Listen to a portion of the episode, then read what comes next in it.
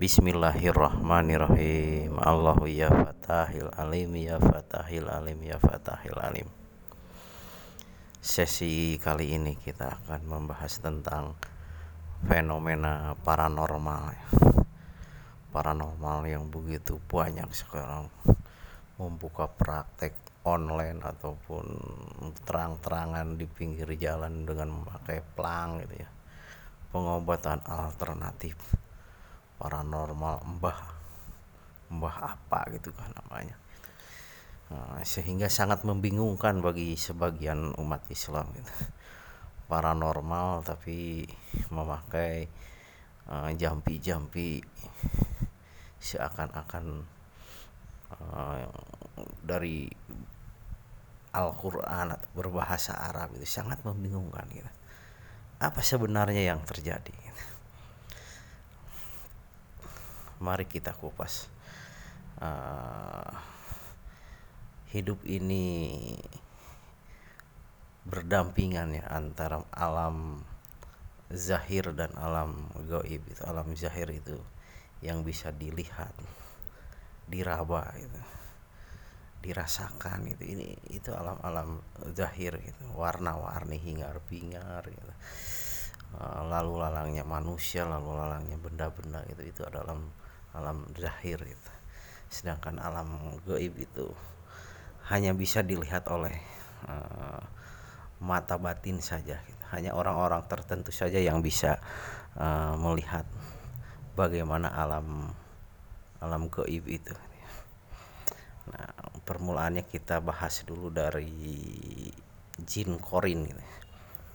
apa itu jin korin korin itu korin itu Eh, berasal dari kata ikro. Ikro itu membaca. Kalau kori itu orang yang membacanya. Sedangkan korin itu adalah uh, bisa diartikan sebagai catatan. Jadi jin korin itu adalah jin yang mencatat uh, yang mencatat jin yang mencatat manusia. gitu katakanlah begitu. Nah, terus dalilnya dari mana itu? Nah kita buka surat at-tariq gitu ya. Inna kullu nafsin lama alaiha hafid hmm, sesungguhnya sekulu semua nafsin semua manusia semua nafsin itu uh, ada hafid gitu. Dikatakan sebagai pendampingnya padahal kata itu adalah hafid gitu ya. Hafid itu diterjemahkan sebagai pendamping gitu. Padahal arti yang sebenarnya hafid itu adalah penghafal. Jadi arti yang sebenarnya itu hikmahnya itu begini. Setiap orang itu ada yang menghafalkan menghafalkan gerak geriknya menghafalkan kelakuannya menghafalkan amal perbuatannya siapakah yang menghafalkan itu ya itulah jin namanya jin korin gitu. terus di lain ayat juga uh, Inna nahnu nuhil mauta wa naktubu ma qadamu wa asarohum gitu ya di surat Yasin gitu. Sesungguhnya orang nahnu nuhil mauta gitu dihidupkan kembali orang yang mati itu wanak tubuh dan dicatatkan kodamu pekerjaannya wa asarohum dan rahasia-rahasianya nah, jadi si manusia itu dicatatkan ya. dicatat segala perbuatannya bahkan rahasia-rahasianya rahasia-rahasia yang tidak diketahui umum apakah anda itu pernah mencuri, pernah berbohong, pernah berzina, pernah korupsi, atau pernah berbuat uh, jahil atau apa pun gitu yang menzolimi diri sendiri dan orang lain itu semuanya terekam dalam jin korin gitu. Uh, kan dalam hadis itu kan atau dalam keterangan lain disebutkan bahwa malaikat itu mencatatkan amal perbuatannya. Kita berpikir secara uh, masuk di akal saja apakah malaikat itu membawa kertas atau buku dan pena gitu dicatatkan jam segini segini kelakuanmu begini jam segini kelakuanmu begini. Tidak kan? Allah itu maha cerdas maha tinggi ilmunya. Allah sediakan satu makhluk gaib untuk setiap orang gitu, untuk mencatatkan segala amal perbuatannya. Itulah yang dinamakan jin korin itu sehingga nanti suatu waktu di alam kematian gitu ketika manusia masuk ke alam gaib itu akan dipertemukan gitu. Orang yang beramal baik bersedekah menyembah kepada Allah akan bertemu dengan seseorang yang tampan atau atau cantik gitu. Sebaliknya gitu kalau orang itu adalah seorang yang hidupnya berzina berjudi merampok mencuri mabuk-mabukan atau apa yang yang yang menjalimi gitu tentu saja akan didapatkan uh, catatannya yang sangat buruk sekali buruk rupa ingat ya dalam suatu riwayat Rasul itu kan pernah berkata bahwa uh, Innallaha jamilun wal jamal sesungguhnya Allah itu maha indah dan mencintai keindahan nah sedangkan gitu sekarang gitu di alam di alam sekarang gitu ya bagi sebagian orang yang bisa melihat gitu melihat hantu itu begitu mengerikan begitu menjijikan begitu menakutkan. Coba berpikirlah berpikir. Allah itu mencintai keindahan gitu. Kenapa ada makhluk yang begitu menyeramkan gitu? Begitu menjijikan gitu. Kan nggak nyambung itu keterangan itu gitu. nah sekarang kan terjawab gitu. Allah maha indah. Tapi ada makhluk yang menjijikan menakutkan Berarti siapa yang bikin makhluk-makhluk itu menjijikan, menakutkan? Siapa? Ya itulah manusia-manusia yang ada di sekitar situ. Jin korin seseorang itu tidak jauh dari orangnya. Satu kampung pokoknya. Di sisi kampungnya, di pinggir kampungnya, umpamanya ada terlihat hantu-hantu yang begitu menyeramkan itu. Itu jangan kaget berarti di kampung itu, di lingkungan itu orang-orangnya ya begitu. Orang-orang yang busuk kelakuannya. Walaupun tampan secara dahir atau cantik secara dahir belum tentu jin korinnya tampan atau cantik. Bisa jadi buruk rupa gitu. terus yang menjadi uh,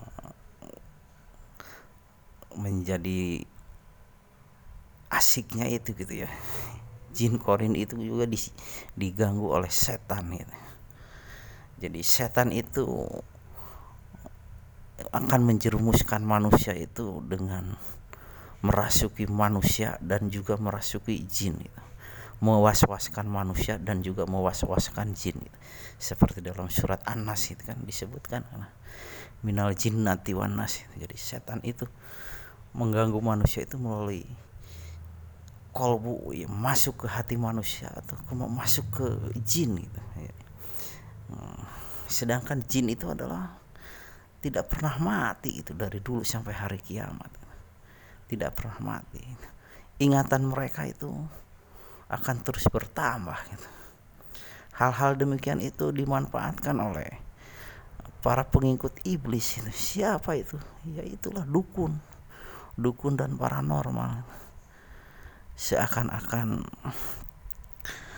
uh, sakti gitu, seakan-akan uh, segala tahu gitu. Padahal penuh dengan tipu daya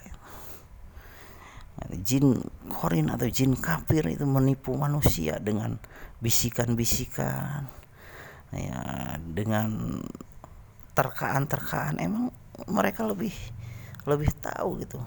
Pokoknya menerka seseorang yang datang ke dukun. Wah rumah kamu itu di sini di sini di sini. Nama orang tuamu itu anu anu anu. Ya emang tahu lah jin. Jin itu lebih tahu gitu. Kan dampaknya kan orang yang itu kan jadi mengagumi dukun bergantung kepada dukun menganggap sakti dukun gitu. Itu kan sudah mencederai surat al-ikhlas gitu. al-ikhlas itu kan semuanya kita itu harus bergantung kepada Allah yang satu gitu. yang dikagumi itu cukup Allah gitu.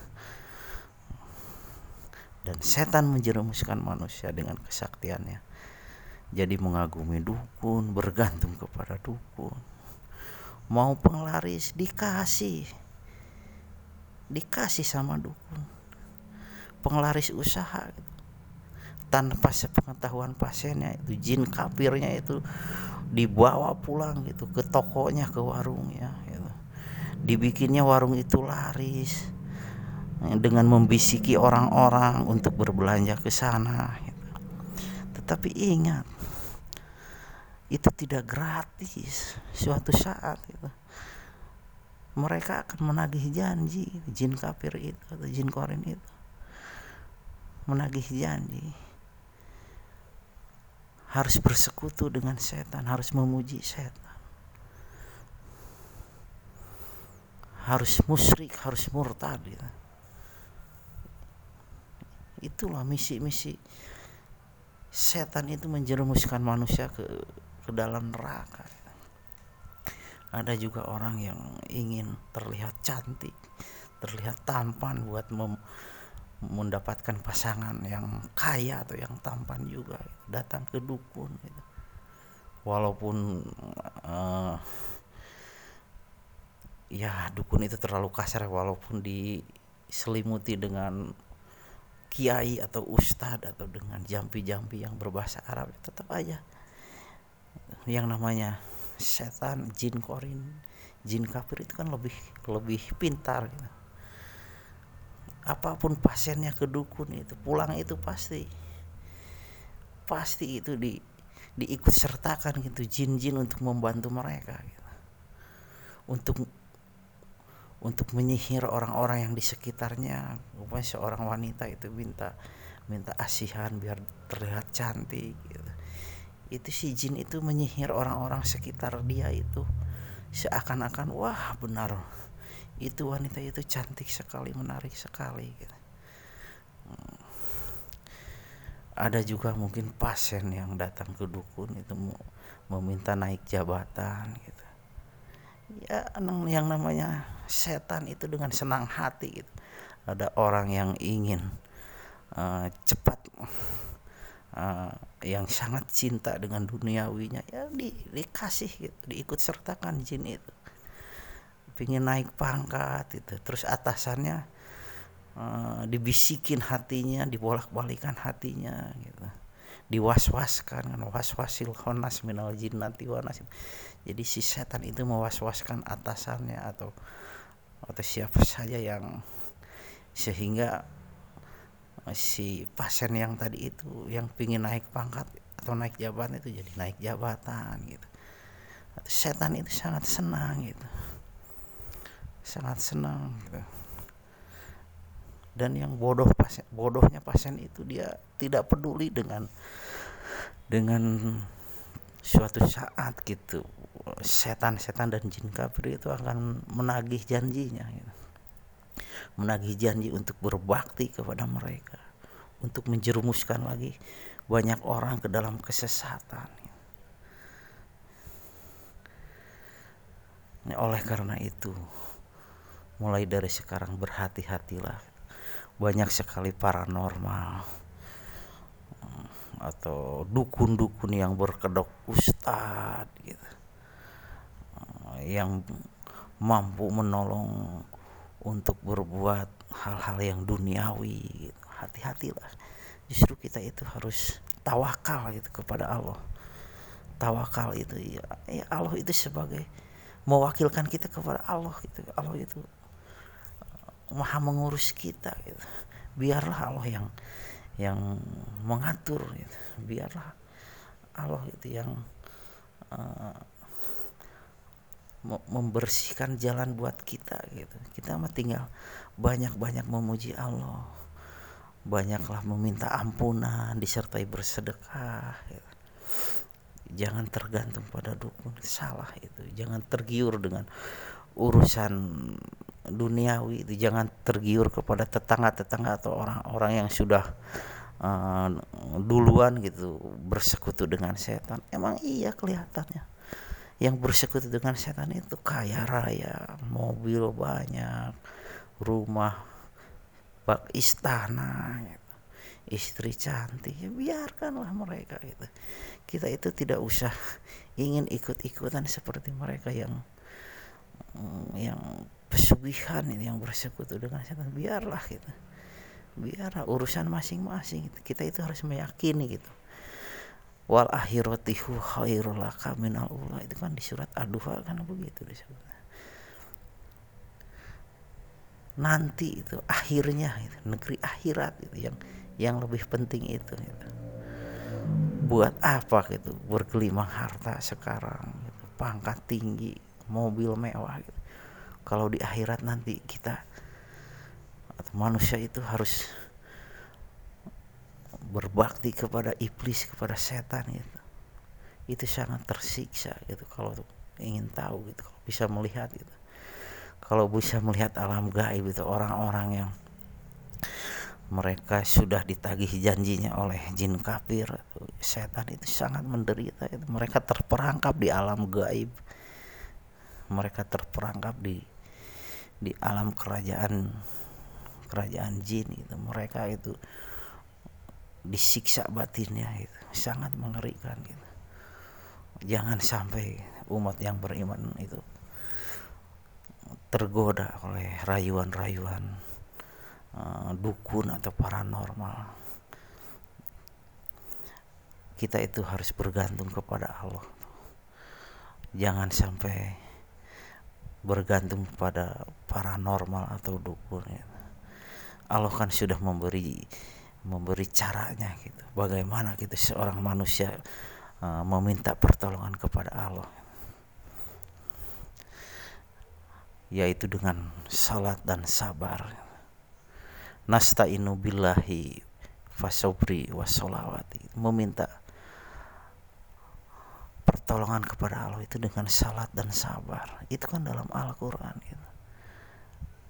Anda susah sholatlah dan sabarlah menunggunya. Anda punya keinginan sholatlah dan sabarlah menunggunya. Dan tentu saja disertai dengan sedekah yang banyak kepada fakir miskin dan anak yatim. Karena sedekah itu nanti akan Allah kembalikan berlipat-lipat anda itu harus percaya gitu. negeri akhirat itu lebih lebih penting gitu.